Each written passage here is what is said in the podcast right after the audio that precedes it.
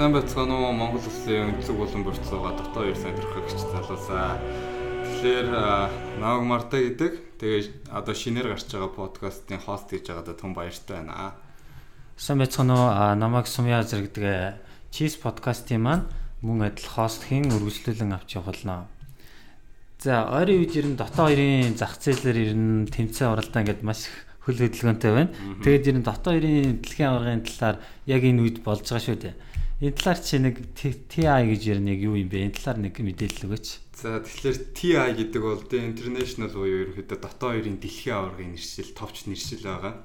Тэгэхээр хамгийн анх 2011 онд Герман улсад зохион байгуулагчжсэн тухайн үед яг нийт шагналын сайн ерөнхий 1.6 сая доллар буюу Монгол мөнгөөр тооцох юм бол ерөнхийдөө 3.2 тэрбум орчим шагналын саятай Санта маш том тэмцээн тухайн үед зохион байгуулагдсан.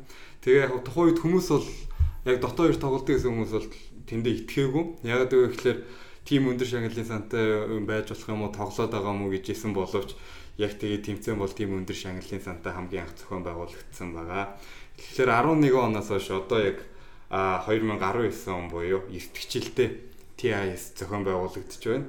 Тэгэхээр энэ хугацаанд дотоо хоёр гэдэг маш өндөр дэвшил хийж одоо дэлхийн хамгийн өндөр шагналын сантай e-спорт одоо ингэ зохион байгуулагч байгаа. Энэ жилийн шагналын сан нь болохоор ерөөдөө 33 сая доллар а нийт тийм шагналын сантай манай хөрш улсад Шанхайд зохион байгуулагдаж байгаа. За 2011 онд 1.6 сая доллар гэдэг чинь Монгол мөнгөөр тухайн үед э, ер нь хэд байсан юм бэ?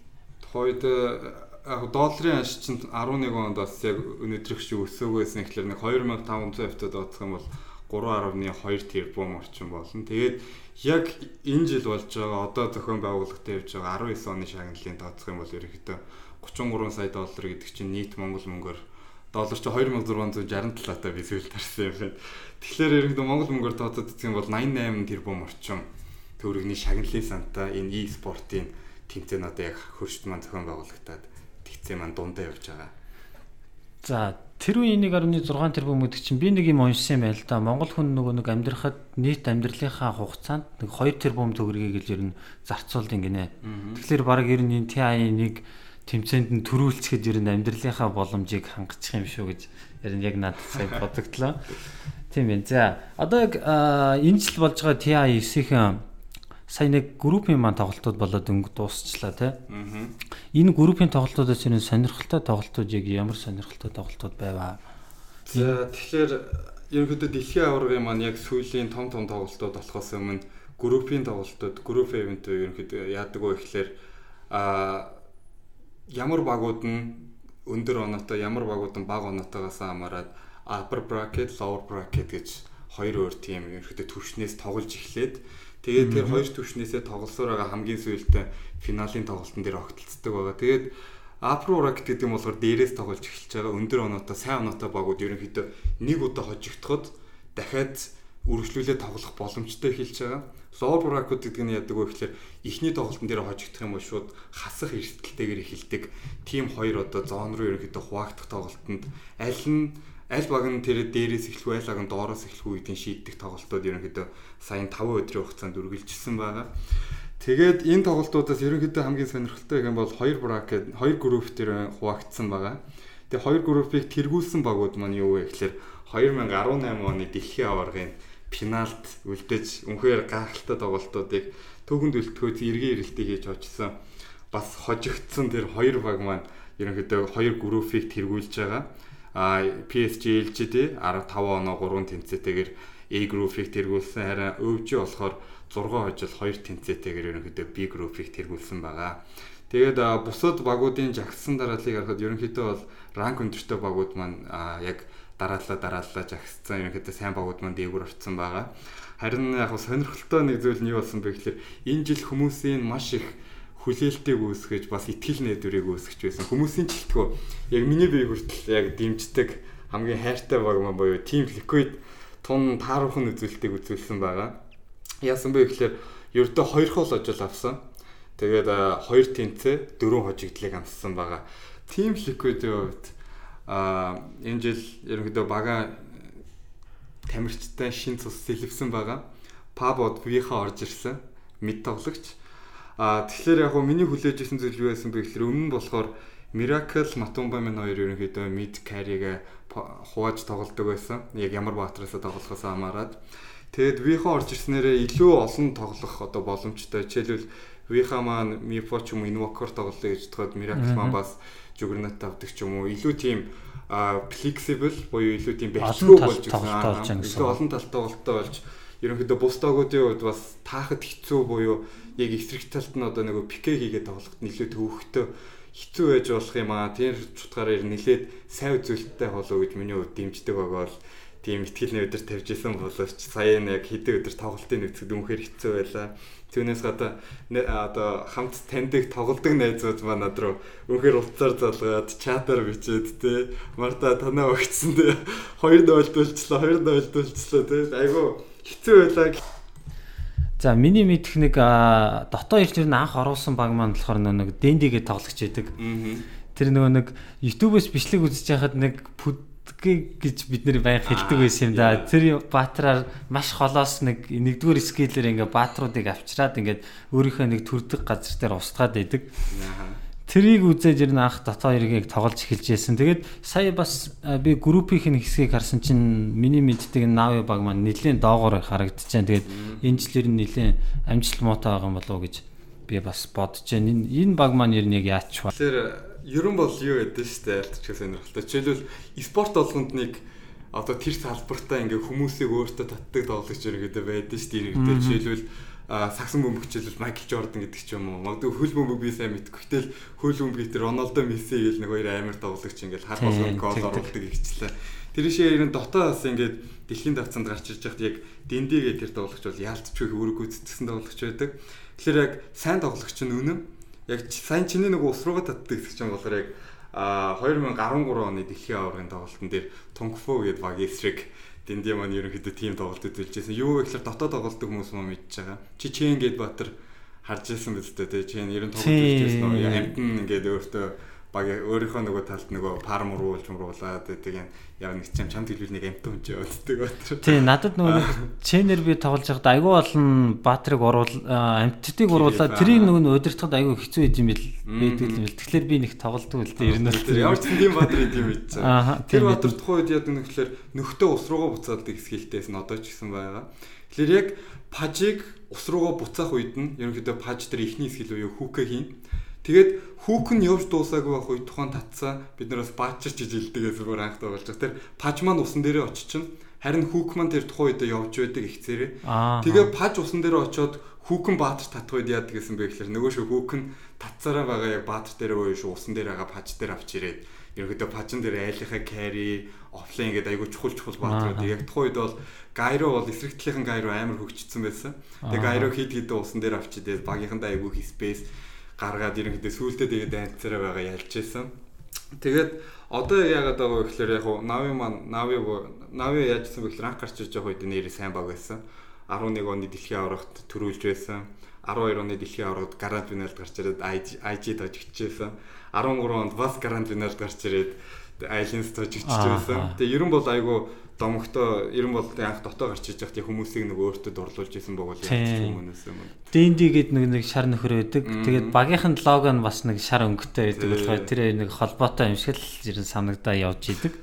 Тэгээ сайн тоглогчоос гадна бас өөрөө айгу тийм entertainment тоглогч. Ааха. Жишээлбэл яг миний яг мартдаггүй зүйл нь юу гэхээр өөрөө reaction өндөртэй. Түүнээс гадна багаас хэлсэн байдаг ерөнхийдөө Papi гээд багийнхаа ахлагч.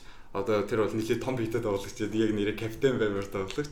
Тэр тоглогчтойгоо нэлээд олон жил хамт тоглосны эцэст хамгийн анхны тоглолтоор би яг хэдэн онд гэдгийг санахгүй. Гэхдээ яг эсрэг багт нь ороод хоёулаа яг ингээ хоёр тийм нөгөө дуудас гарлагчтай өрөөнд орж байгаад эсрэг багт тоглож исэн байдаг. Тэгээ тоглохоос нь өмнө нөгөө хөтлөгч нар өөрсдөөс нь асуугаад одоо ингээ айгүй олон жил хамт тоглосон дээ ингээ багийнхаа капитаны эсрэг хамгийн сайн найзынхаа эсрэг тоглох гэж байна. Ингээд дэнди чи ингээ юу бодож байна гэж чи урдаас нь ингээ амар инээж инээж байгаа тийм би ингээд айгүй удаан хугацаанд эднэрээ үгцгийг өшгөлийг боддог байсан. Гэтэ би ингээд надад одоо л ингээд папиг нь үгцгийг өшгөх боломж олдлоо гэ би айгүй хаппи ингээд тоглож байсан. Тэгээ тоглолтынхаа дундуур бас дахин нөгөө паж аваад папиг татчихалчаад яг ингээд болж байгаа тоглолтын дундуур өөрийнхөө нөгөө компьютерийг үлдээгээд өрөөнөөсөө гараад нөгөө найзынхаа тоглож байгаа папигийн тоглож байгаа ерөөний эсрэгтэл очоод нэг гагнам бүжиг хүртэл үжилж айгуу тийм entertainment тоглож болохоор ер нь домог болоод үлдээ ялцчихгүй legendary player гэж ярьдаг. Тэгээд сүүлд миний нэг ер нь энэ групп стейжийн тоглолтуудыг би бас нэлээд тоглолтуудыг үзсэн. Тэгэд 2 3 жилийн өмнө гээд өмнө Сумайл гээд нэг 15 настай хүүхэд гээд бараг дэлхийн хамгийн баян хүүхэд мөхөд гэжсэн баг. E-спортод гарч ирж исэн. Тэр тоглогч маань одоо яг ямар багт байдаг вүлээ? Тэдний баг нь ер нь яг энэ жил ямар шухан амжилттай групп стейжийг дуусгав. Тэгэхээр бас яг дотоо хоёрын яг тийм томоохон каструуд ерөнхийдөө поро тоглогчид хит хитэн хүмүүсээс тийм ярилцлага бас нэвтрүүлгээс бий юу гэж харж ирсэн бэ гэхэлэр энэ жил ямар багууд төрүүлэх магадaltaй юм гэсэн ярен дээр EG гэдэг бол нэлээ хит автагдаж гарч ирж байсан. Аа зөв. Тэгээд Сумайл тоглогч маань EG-д байдаг. Яг уу миний мэдх маш сайн стормор тоглолдог тоглогч Ялчуу Гарын Баатарын сторм. Тэгээд энэ тоглогч маань одоо Evilgenist байгаа. Энэ баг маань энэ жил ерөнхийдөө 3 хожиж, 3 тэнцэж 3 хожигдсон байгаа. Тэгээд ерөнхийдөө бол үзүүлэлт сайтай баг энэ жил төрүүлэх магадлал гэсэн өндөртэй байгаа гэж ярьж байгаа. Аа гэхдээ аа юу байгаа? Дахиад яг түрүү жилийнх шиг түрүү жил яаж исэн бэ гэхээр яг өвчи буюу өвчигээс ерөнхийдөө хоёр тоглогч. Иж ирүү яг 2018 оны дэлхийн арга болохын өмнө багаас үлж исэн байт. Ердөө 3 сарын өмнө. 3 сарын. Аа 3 сарын өмнө солиод тэгээд ер нь явж исэн бэ гэхээр ижид орж исэн. Crit S4 хоёр тоглогч маань яаж ийс Evil Genius-д ороод ерөнхийдөө тэр жилийн зорилго нь өмнөх жилийн зорилго байсан байх гэхээр ерөнхийдөө шууд авраг авъя. Авраг авахын тулд ингээд одоо жишээлбэл багаас эхлэе гэдэг ч юм уу те.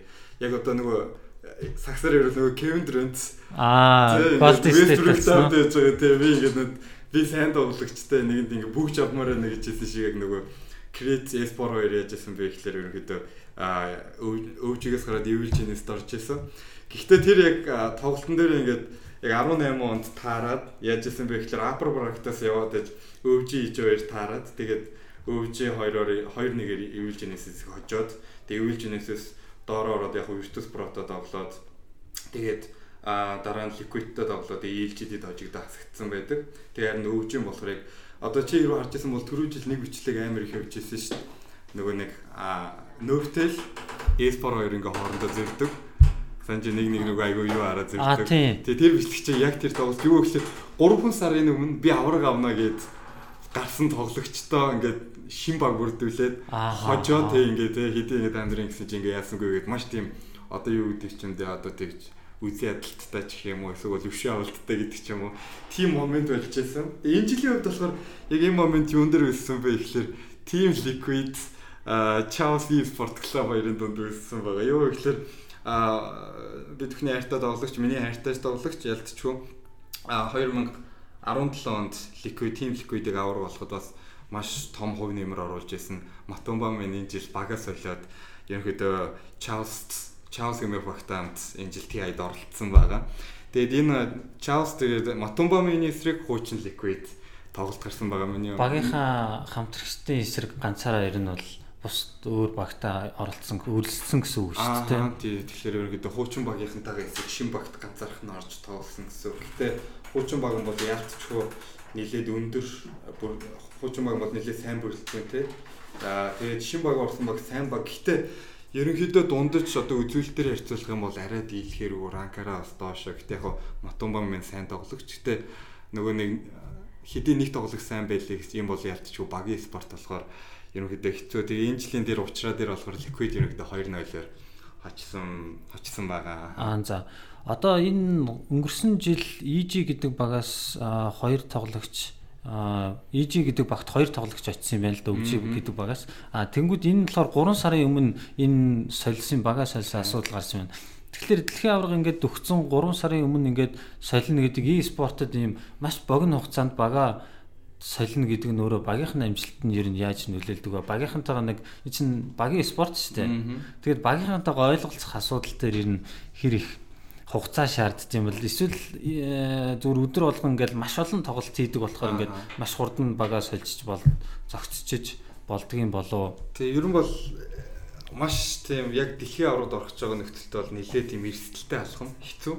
Жишээлбэл яг үгээр би яг өөрөө бас дотоод тоглодог Гэтэ тийм сайн биш. Яг одоо миний цоолох юм бол Ancient 3 байна. Зүгээр хаяа найзтайгаа миний хэсэл хэлээ. Мадаш тоглолт. Гэтэ яг тоглохоос илүү яг ийм сайн багуудын тоглолтыг нь үзэх айгүй сонирхолтой. Тэгээ илүү судалж яг юу болоод байгаа гэдгийг анзаарах илүү дуртай байдаг. Тэгээ ерөнхийдөө багс хэлэхэд жишээлбэл би над нэг дандаа хамт тоглолтыг найз байдаг. А Темка гэдэг яг Монгол улс дээр нь хамгийн их байд түгээмэл нэрийн гурав маш олон дэвг гэдэг яг манай хамгийн сайн дэвг гэдэг. Тэр найзтай хамт тоглолт. Тэгэхээр яадаг вэ гэхээр ингээд өөр хүмүүстэй тоглож байгаа үед ерөнхийдөө за жишээлбэл TP-тер болдог ч юм уу те тавар дээр дан гэхээр тэгээ буугаар боллоо гэж бодгоо за ингээд нөгөөдөлтэй хэлээ би буучлаа ардаас буугаараа гэдэг ч юм уу те эсвэл за ингээд айско бууцгаа гээд яг тэр найзтайгаа удаан тоглолцсон найзтайгаа тоглохоор яадаг вэ гэхээр яг ингээд огт юу ч ярихгүйгээр чухал юм амтрахад яг ингээд санаа нэгтэйгээр үйлдэл хийцэн байдаг. Хоорондоо ерөнхийдөө ярих шаардлагагүйгээр ойлголцоо тий. Тэг айгуу тийм төвөгтэй үед жишээлбэл нөгөө стон зөрүүлэх ч юм уу тий комбо хийх үед ч гэдэг ч юм уу. Тиймэрхүү үед ерөнхийдөө ойлголцохгүй олон давтагдсны жишээлбэл манай энэ тоглогч нэг иймэрхүү тоглогч одоо ингээд жишээлбэл юу байдгийг гинт дагардад орчиж магадгүй ерөөдөө тийм гинт агрессив тоглолдог гэдэг ч юм уу ийм нөхцөлд ингэдэг тэр зүйл нь ерөөдөө удаан хугацааны хувьд тэгэл багтан сууж өгдөг болохоор гэдэг өмнө соёлын гэдэг бол эрсдэлтэй. Гэхдээ яг 18 онд болохоор чи гэдэг ингээд тоглогчтой сэлсэн боловч аваргалж чадсан. Яг миний хувьд бол тэр камбэк хийх дээр бол би бол жоохон дурамчхалээс яг үндэ амар гайхалтай камбэк хийгээд тэр Себийн тэр баддаг хэсэг байна тийм өөрөө Phantom Laser аа тийм very sucks гэж орилоод байдаг. Аа тийм тэгээд одоо нөгөө нэг Battle Pass-ийн онон дээр нөгөө wheel chat дээр гараад ирсэн байгаа шүү дээ. Сэв гэдэг амар үлдээ. Яг тэр мөч чинь жишээлбэл би бол яг том үжид бол айгу тийм сэтгэл дундуур байсан. Амар гоё моментчсэн би яг тийм ингээд тэр үед юуг дэмжиж байсан. LGD-г ерөнхийдөө дэмжиж байсан. Тэгээ яг хоёр ерөнхийдөө тийм байна да. А за одоо энэ жил одоо групп хэсэгт маань энэ том багуудад хоорондоо цааш тоглох боломжууд нь ер нь хэрэг олдсон юм бол тийм том багуудын тоглолтууд ер нь ямар үр дүнгээр өндөрлөв? Нэг багийн давмгаал уу эсвэл энэ тэнцүү үрсэлдэг үү? Мм том багуудын тоглолтос гэх юм бол а яасан байгаа. Ерөнхийдөө бол A group-дээр бол а ерөнхийдөө тэнцэх тохиолдол нэлээд гарсан байгаа. Бас айхтар илүүрхэж бол чадаагүй гэсэн үг. Жишээлбэл LGD яасан бэ гэхээр LGD битээ нэг нэгээр тэнцсэн. Дахиад LGD TNC-тэй нэг нэгээр тэнцсэн. Тэгээ яг LGD Secret Liquid хоёрыг 2-0-оор очсон гэдэг ч юм уу. Бас after team давмгаалсан юм бол гараагүй. Гэтэ нэг зүйл байдаг нь юу вэ гэхээр яг миний хувийн бодол тоглогчдын нөгөө group stage дээр багууд яг нарийн бэлдсэн тийм хамгийн клач гэдэг шүү дээ нөгөө бас тэгээд би сагсаа мэдгүй гэхдээ яг нөгөө нэг сагс тоглодог хүмүүсийн хажуудаа гадаж хиллүүлэн ас нэг сурцсан байна. Клач момент гээд яг чухал мөчт нөгөө оруулдаг ч юм уу. Баазар шотоос арай өөр тэгсэн мөртлөө тоглолтын нөгөө тоглогчдын сэтгэл санааг өөрчлөх тийм нөгөө бөмбөг оруулалт гэдэг ч юм уу. Slam dunk ч юм уу. Аа тий яг тиймэрхүү чухал юмнуудын тамирчид ерөөхдөө бол багууд group stage дээр гаргадаг юм шиг санагддаг. Тэгээ ягаад гэдэг вэ гэхээр 16 оны тоглолт, 17 оны тоглолт, 18 оны тоглолтыг ерөөхдөө анзаараад үзвэл яадаг вэ гэхээр яг нөгөө нэг а group stage дээр за нэг багууд нь өндөр оноотой бага оноотойг ингээ гараад ирдэг. Тэгээ ингээд upper bracket руу ороод lower bracket руу ороод тоглоод эхлэхээр яадаг вэ гэхээр ихэнх тоглолтууд дандаа ерөнхийдөө боо гурвын тоглолтууд дандаа 2-0-оор өндөрлөдөг. Дандаа 2-0-оор ерөнхийдөө 3 тоглоод аль баг нь төрүүлж 2 очсон ерөнхийдөө хожин гэсэн үг шүү дээ. Тэгэхээр эн чинь 2-1-ээр дуусч болно тий. Эсвэл юу гэдэг тиймэрхүү боломжууд байсаар адил дандаа 2-0-оор дуусдаг. Жишээлбэл 2016 оны тоглолтыг жишээ та бүхэн яг одоо а яг тэр upper lower-т нь юу болсныг хараад үзэх юм бол ерөнхийдөө хөвчлэн дандаа 2-0 2-0 2-0 явсаар хагаад хамгийн сүүлд нь дижитал очсон байх жишээ нэ 17 оны тоглолт ч ерөнхийдөө бас тийм шүү дээ. Юу гэхээр одоо жишээлбэл эндээс юу харж болох вэ гэх юм бол 17 онд те ингээ яг lower bracket-аас гарчсан байгуудыг жишээлбэл харж болно. За өвжийн Impamos-ыг 1-0-оор хассан байдаг. Дараагийн тоглолт дээр TNC 2-0 доод дараагийн тоглолтын дээр нөгөө LGD а нөгөө өвжи LGD gaming-ийг дахиад 2-0-оор хожоод дараагийн тоглолтын дээр яаж ирсэн бэ гэхээр а Обшаа юу болсон юм бэ? LGD өвжиг 2-0-оор очоод тэгээ түүний жаргач дээр LGD энэ IG 2-0-оор тэгээд тэр гарчсан тоглолтын Liquid LGD 2-0-оор дахиад Liquid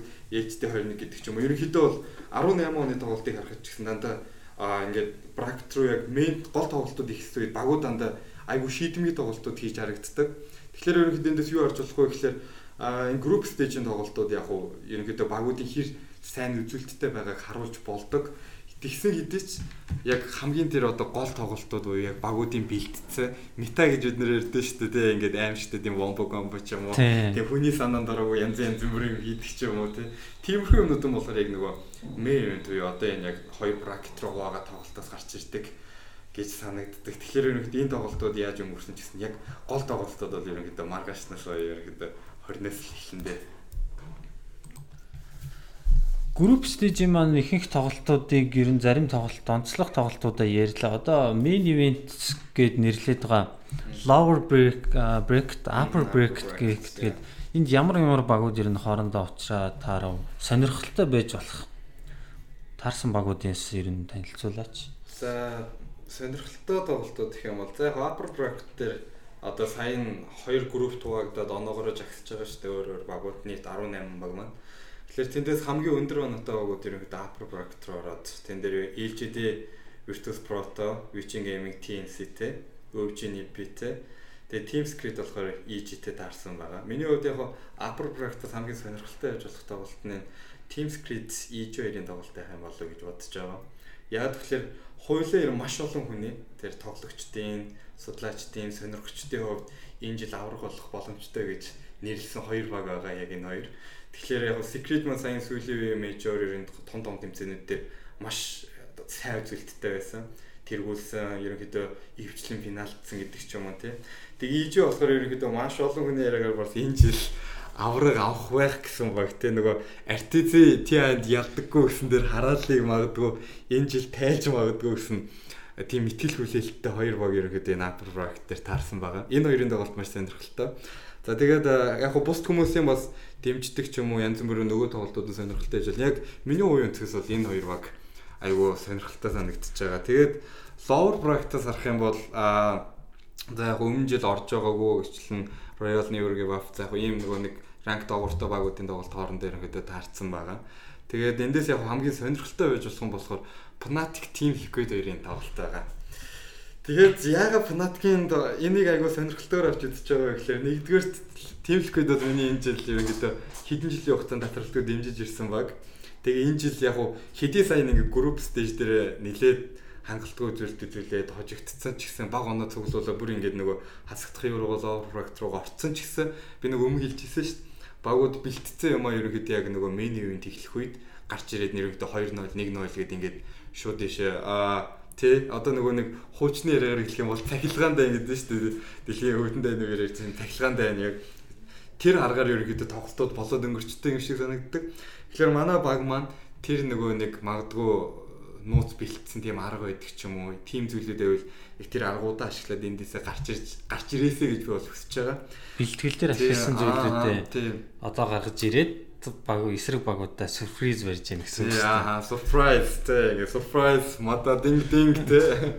Яг тийм болж магадгүй гэж бодоод эргээд хүлээж байгаа. Гэтэ яг фанатикийн хувьд би бас ягаад яг гэхээр ерөнхийдөө бол а фанатикт маань Abed байгаа. Үнэхээр гайхалтай тоглогч. Яг яг хов хүний тоглолтын нэр нь нийт нийт сүүлийн хэдэн жилийн хугацаанд ер нь нийт гарсан тоглолтуудын яг хараад байх юм бол юу вэ гэхээр Abed бол яг мэдээж тоглолдог. Тэгээ тоглож байгаа хэвчээ айгүй өндөр тоглолтын үзүүлэлттэй тоглож чаддаг. Тэгэхээр миний харж байгаа яг нэг эсрэг нэг тоглож байгаа хэвчээ яг эсрэг талынхаа мэдээр тоглож байгаа тоглогчд ер нь нилээд дарамт үзүүлдэг тоглогчдын нэг юм шиг санагддаг. Өндөр а одоо юу гэх тийм өндөр чадвартай тоглолдог. Тэгээд анхны 10k MMR өргөжсэн тоглогч гэж бид нэр ярьдаг шүү. Тэгээд хамгийн анхны 9k MMR өргөжсэн тоглогч болохоор Miracle гэж ярьдаг. Тэгээ яг хамгийн анхны 10k болохоор ерөнхийдөө Abed өргөжсэн тийм нэлээд өндөр чадвартай. Одоо ч гэсэн нэлээд сайн тоглолт үзүүлж байгаа. Гэтэ яг багийн хувьд бас яах нь вэ гэдэг нь чинь нэг анх хэлжсэн яг багийн спорт. Тэгээ энэ дээрээс бас нэг сонирхолтой үзүүлэлт нь юу болсон бэ гэхээр а хүмүүсийн бас нэг айхтар тэгж хүлээлт өгөхгүй байсан. Фанатик маань яасан бэ гэхээр сая групп B стейжийн тоглолтын дээр яасан бэ гэхээр EG-г ерөнхийдөө 2-0-оор хожигдсан байгаа. Тэгэхээр энэ тоглолтоос нь юу гарч болсон бэ гэхээр ерөнхийдөө фанатик бол бас нилээд тийм барьцгүй эвгүй зүйл тоглолт хийж магадгүй юм байна гэсэн дэр ерөнхийдөө хүлээлтийг ерөнхийдөө хүмүүс бас нэлээд өгсөн юм шиг санагдчихж байгаа. Тэгэхээр ерөнхийдөө lower bracket энэ хоёр багийн аль нь хасагдах вэ те? Яг аль нь үлдээ цаашаа 2019 оны дэлхийн авраг руу те бас ингээд цомын төлөө те 33 сая долларын шагналын санта тэмцээний нэгдүгээр байр уу ерөнхийдөө 39 39.6 одоо Монгол мөнгөөр тооцох юм бол 39.6 тэрбум төгрөгийн шагнал руу энэ үргэлжлээ тэмцэх үү гэдэг тэр юу ерөнхийдөө энэ дээрээс үлдчихэж байгаа. Я бас нэрээ нэмийг хэлэхэд а дотор ирэн дэлхийн аваргын ерөнхийдөө ингээд бүх жилүүдийнх нь ингээд нөгөө финалийн тоглолтуудыг харж үзээд хин яг аваргалж исэн байдгийг хараад тэгэхээр хамгийн анх Нави ерөнхийдөө 11 оны дэлхийн аваргад ялаад Нави ялсан, дараа нь Хитэт баг ялсан, дараа нь Айленс ялсан, дараа нь Нибби уу дахиад Хитэт баг.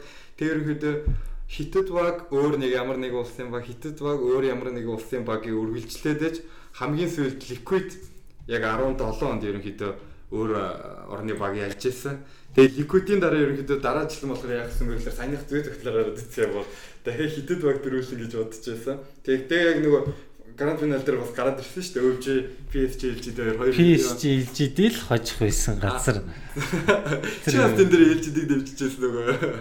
Гэхдээ тэр ер нь өнгөрсөн жилийн финалийн тоглолтоос хойш нь PSG ер нь үздэг, илүү бус багаас үздэг болсон. Саяны одоо группийн тоглолтуудыг ч гэсэн үзсэн.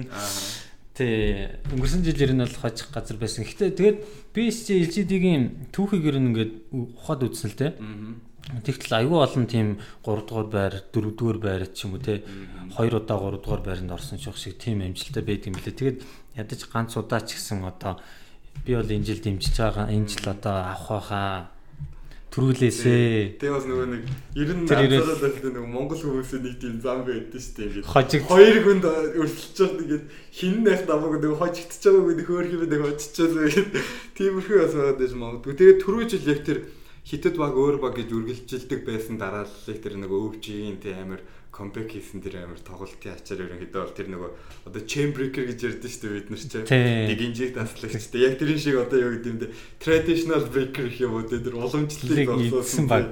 өвчөө гарч ирсэн байгаа. За тэгээд а ерөнхийдөө бол TI-ийн тухай ярих юм бол тийм. Тэгээд энэ жилийн тоглолтуудаас яг миний хувьд хамгийн сонирхолтой гэж байгаа нь Script-ийн тоглолт, EG-ийн тоглолт, тэгээд Fnatic Team Liquid-ийн тоглолт бол аягүй сонирхолтой. Байх юм байна. За миний хувьд болохоор би PSG LGD-гээ дэмжин Virtus Pro гэдэг багтаа тоглох юм байна лээ. Гэтэ Virtus Pro нөгөө бих группийнхээ дөрөвдүгээр байранд шалгарсан бас нэлээд хүчтэй баг байх шиг байсан. Гэтэ бол манай баг бол хожих нь тодорхой хаа ихтгэлтэй байгаа. За. За одоо одоо яг ингээд ийм нэг зүйл байна л да. Энэ жилийн TI-д одоо төрүүлэх багаан те ингээд нилээ эртнээс хэлчихье. Зарим хүмүүс чинь ингээд баг ингээд төрүүлхийнх нь финалийн тоглолтынх нь өмнө хоёр баг байхад энэ төрүүлнэ гэж хэлчихээл тэгэл дараа нь би яг мэдчихсэн энэ дэр гэж тиймэрхүү юмнууд ярьдаг учраас нилээ олон эхний зөвхөн группийн хэсэг манд дууссаны дараа л чамаас яг асуумаар байна л да. Яг аль нь багийн чи яг төрүүлнэ гэж бодож байна. Шууд те янз бүрийн бодохгүйгээр бүр зүрх сэтгэлээс яг Liquid биш шүү. Аа Тэгэхээр ерөнхийдөө бол яг нэг анх хэлж ирсэн шиг ерөнхийдөө яг миний одоо нэрлж байгаа нэр томьёогоор бол юу гэдэг юм да. Одоо ингээд мен ивент маань эхлээд April Overlock гэх нэг цэглэгаан дайны юугаар явцдаг. Жишээлбэл нөгөө гитлэр стайлн руу дайрч байгаа гэдэг стайл нөгөө өөрийнхөө ингээд дайректинг гэдгийг мэдгүй ингээд ус орных нь амар болон юу бөмбөгдөөлцсөн тэ ингээд гинт ингээд гайхаа босоод ирчихсэн шиг энэ тоглолтууд маань ингээд цэглэгаан дайнаар аль баг нь одоо нөгөө нэг тамирчд хэлсэн байдаг шүү дээ. Жинхэнэ нөгөө олимпийн тамирчдыг хвшлээ хэлсэн байдаг нөгөө нэг жинхэнэ өрсөлдөөн нөгөө яг тэмцээний үеэр биш бэлтгэлтэй дээр гарсан. Яг тэрнтэй адилхан яг энэ үе дээр одоо юу байдаг вэ гэхээр багууд маань одоо нөгөө нэг бэлтгэлийнхээ үеэр нөгөө хэдийнхээ төсөөлж чадахгүй гэдэг ч юм уу тий яг тиймэрхүү зүйлийн хэр бэлдэж чадсан. Тэгээ жишээлбэл нөгөө нэг ижитэй тоглолоо гэж бодохдоо ижи нөгөө сумвал сторм авчих юм бол тэ хэдүүлээ одоо ингэж ингэж аваа тэ ингэж ингэ хаалаа гэдэг ч юм уу яг нөгөө тоглолтуудынхоо хоёр огт нуужсэн тийм зүйлүүдэд гаргаад ирэх магадaltaй учраас над бол таахад үнэхээр хэцүү байна. Үнэхээр хэцүү байна. Гэхдээ яг бага бол дэмжиж байгаа. Ликвидийг стил дэмжиж байгаа. Яагаад гэвэл те одоо манай Виха маань те ингээд Miracle Head маань бас ингээд тим юм бэлтсэн хөшгнийхээ ардлын бэлтгэл нь сайн байгаасаа те ингээд хожоо гараад ирээсээ сэтгэл байгаа. Гэтэ үнэхээр хэцүү тоглолтууд юм. Яг хөө тэгээд зүгээр яг ингээд статистикээс ингээд бас нэг сүүлийн хэдэн жилийн юунаасаа яг яг өнгөд нөгөө хуугийнхаа зүгээс ликвидэд имжихгүйгээр яг ингээд бодит байдалд гэх юм уу жишээлбэл яг сүүлийн 3 жилийн югаас дүгнээд үтсэх юм бол LGD бол үнэхээр хүчтэй байгаа. Тэнтэй бол марх харахгүй. Яг айгүй тийм тогтвортой тоглолт үзүүлж чадчихагаа. Тэгээ одоо чинь дэмжиж байгаа. Тэ чиний дэмжилт тэгэхээр ерөөдөө бол ингээд статистикээс арах юм бол нэлээд тийм одоо бодтой бит тавих юм бол нэлээд нөгөө боломжтой ерөнхийдөө тоглолт гэсэн үг. Тэгэхээр бит гэснээс нэрээ бас яасан юм бэ? Тоглолт эхлээд би нэг 20 мянгаар бит тавьж үтсэн. Тэгээ яг миний бит ерөнхийдөө бол нэг 80% магадaltaй нэлээд өндөр биттэй байсан. Тэгээ битнүүдээ ингээд нөгөө нэг олон баг дээр анх удаа л бит тавьж үтсэн энэ жилийн тоглолтын дээр. Тэгээ нөгөө нэг олон багууд дээр зэрэг нөгөө хожин гэж тавихаар илүү нөгөө шагналынсаа нөгөө буцааж авах шиг өндөр хувийн өндөр болоо авчдаг гэсэн үг шүү дээ. Тэгээ ихэд би бол өөртөө тэгээ олон багууд дээр тавьчихсан. Тэгээ нөгөө алдсан нь юу байсан бэ гэхээр нөгөө дэмжижсэн багтаа би бас итгэлтэйгээр дээ ликвидийг ингээд надад ч асуудалгүй хожин гэдэг ликвид маань хожигдоод 20 мянга алдсан. Гэхдээ бус тоглолтууд бол ерөнхийдөө тааж чадсан. Тэгээ яг аа дахиад биттэй болгоод LGD үнэхээр сайн байгаатай бол ямар ч маргах аргагүй.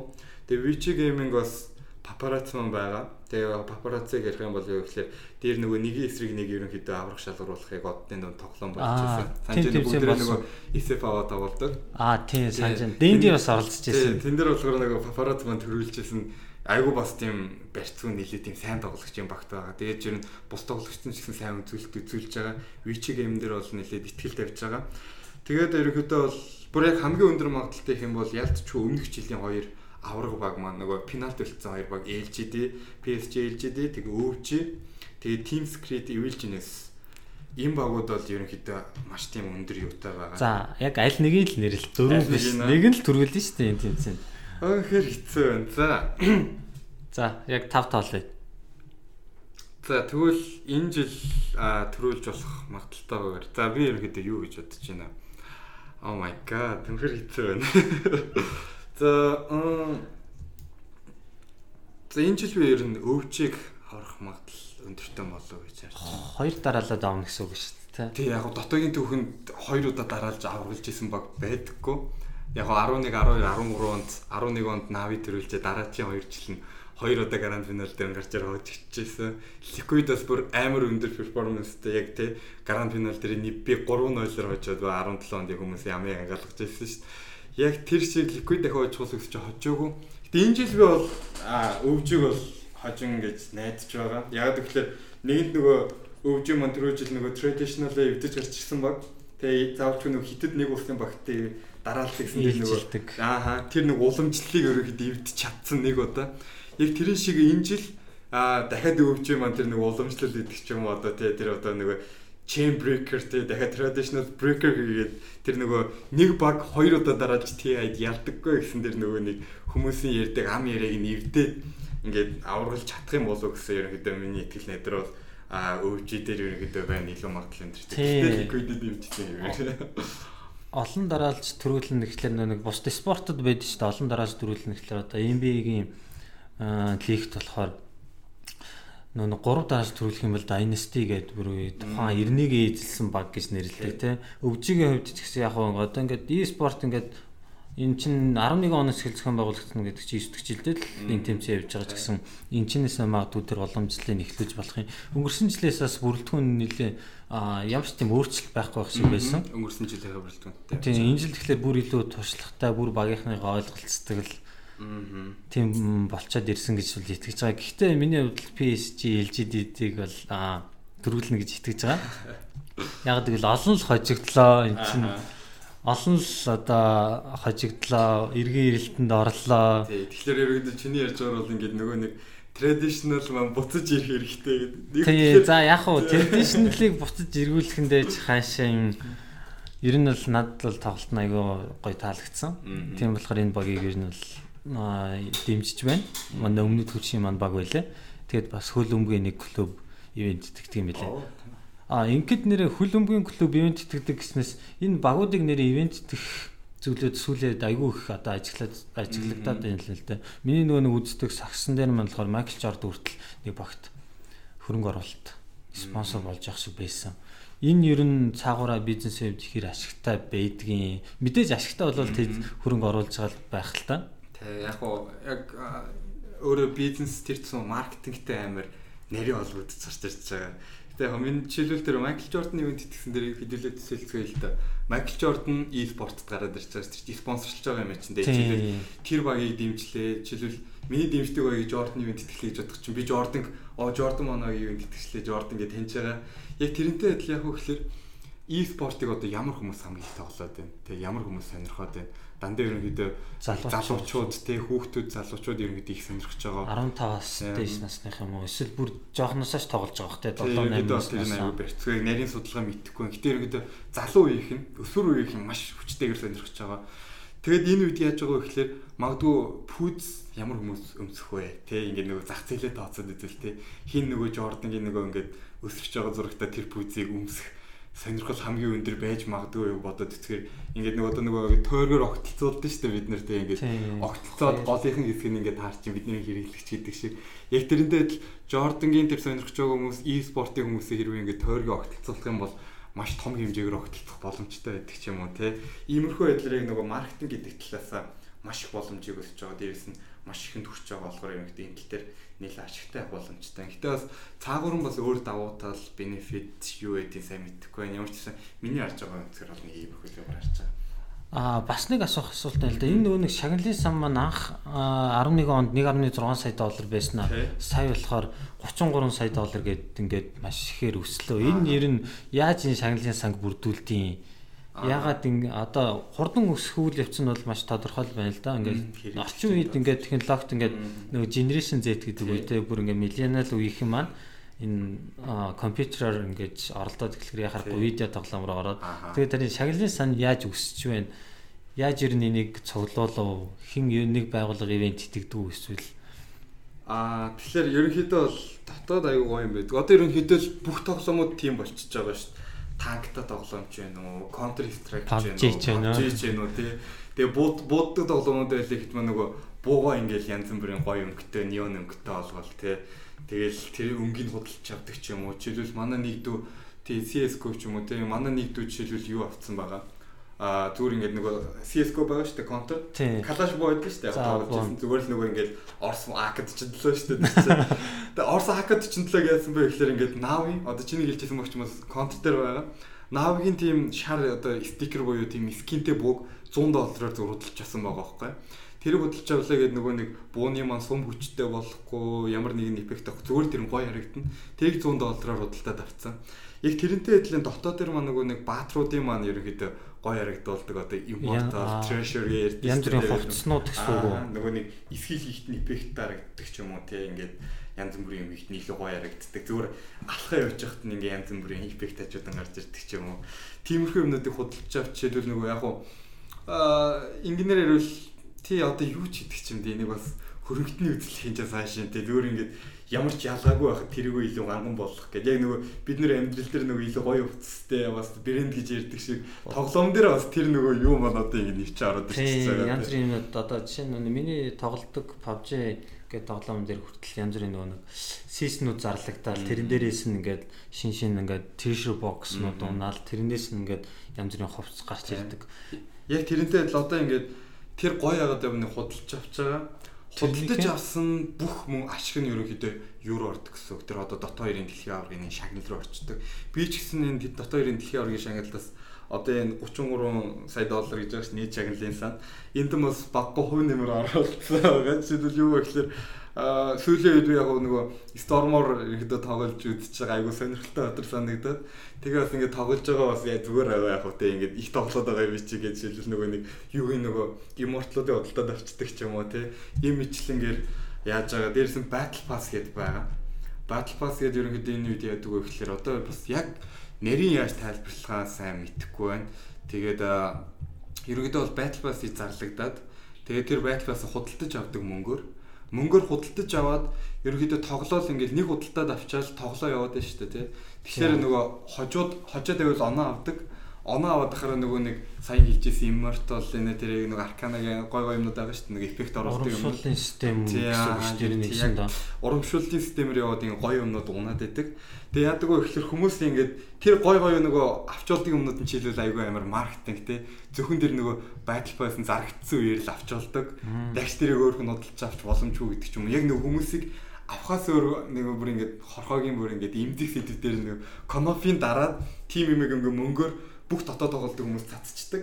Тэгэл дотоод тоглолтын хүмүүс одоо л авчдахгүй юм чинь одоо л авчдахгүй л их юм гоё юм яаж чадахгүй гэдэг нөгөөтэй худалдаад авдаг маш өндөр өнөр. Тэгээ зарим нэг худалдаад авчаад бас нөгөө бүр нөгөө их тоглож иж очих юмыг бас ингээд нөгөө ингээд залхуу хүмүүс мөнгөтэй хүмүүс яаж болох вэ гэхэлэр шууд мөнгөөр цохоод оноогоо худалдаж аваад ингээд нөгөө худалдаа худалдаа аваа явчихдаг гэдэг ч юм уу. Нэгсэн доо юу болох вэ? дотоо хоёрын сан. Одоо зүгээр ингээд тоглож явах хооронд battle pass худалдаж аваад тэр тоглоод оноо цуглуулад тэрээгээр ингээд юмнууд авдаг. Яг. Тэр battle pass-ын мөнгө нь болохоор энэ 33 сая долларыг бүрдүүлэх.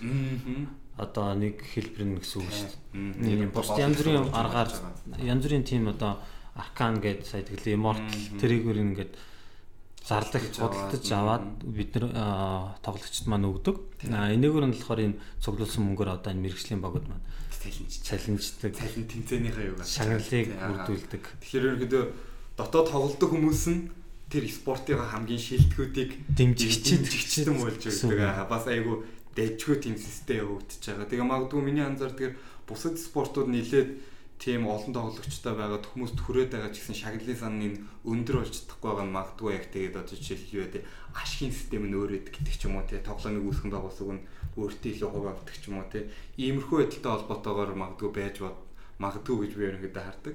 Тэгээд давхар энэ дээр яг спонсоршипүүдийн нөгөө нэг ивент итгэгчнэрийн мөнгө нэмэгч хийх юм би тэр яг нэрийг мэдэхгүй ямар ч гэсэн гол санам бол ерөнхийдөө тэр battle pass-аас ерөнхийдөө гарч ирдэг байгаа. Тэгээд тэр battle pass-ын маань мөнгөний дүн маань яг нийт дотоод тоглогчдод маань яг дотор руугаа орох болгондоо тэр мөнгөний дүн хэд явж ийн гэдгийг хараад лээдэг. Худалдаж авах болгонд ерөнхийдөө тэр мөнгөн сангийн дүн өсөөлээд өсөөлж ингээл өдрө өдрөө өсөөл өсөөл тэгээ яваад ч хамгийн сүлдэн хүрээд ирэх жишээ нэ. Тийм байдаг. Ерөнхийдөө тэгэхээр бид нар өөрсдөө спортынхаа дэмждэг дэмждэг айгуу гол гой систем ерөнхийдөө дотоо ирээ хэвдэр. Тийм байна нэг sharing economy гэж сүлээд маш хэрэгэд байгаа яг тэр системээр ер нь бол win win situation гэдэг. Win хоёр тал хуйлаа ашигтай. Нэг нь ингээд гоё юм аваа. Тэгээ бас ингээд айгу хүүхд шиг л гэсэн үг л дээ ерөнхийдөө тий. Угаасаа л ер нь ирчүүд ер нь л тий. Өсөж том болдгоо л гэдэг л тий. Тоглох тоглоомд өдөө. Тэг зүгээр ингээд аа. За. За өнөөдөр ингээд энэ жил болж байгаа дотоогийн Индия International 2019 тэмцээнийг группийн хэсгийн тоглолтуудыг тэгээд ер нь мейн ивентэд ер нь ямар ямар багууд сонирхолтой тоглолтууд байна ер нь цаашаа яаж үргэлжлэх нь үү гэж нэлээ ярьлаа. Мөн бит хоёр дээрээс нь бас төрүүлэх бага предикт хийгээд боцоод яваад амжсан. Тийм дэлхийн аврагд бас дараа 7 хоногийн 2019 оны 8 сарын 25-нд дуусна. Тэр өдөр энийг эргүүл сонсоод хэн яг онжээж вэ эсвэл хоёлаа алдсан уу гэдгээ шалгая. За Ингээд подкастаа дуусгах. Тий, тэгээд дуусгахаас өмнө хүмүүстээ хэлэхэд шин подкаст эхэлж байгаа тий. Яг одоо ингээд шин пэйж дээр тий ингээд шин сувгууд дээр цацаг цацагдчихж байгаа.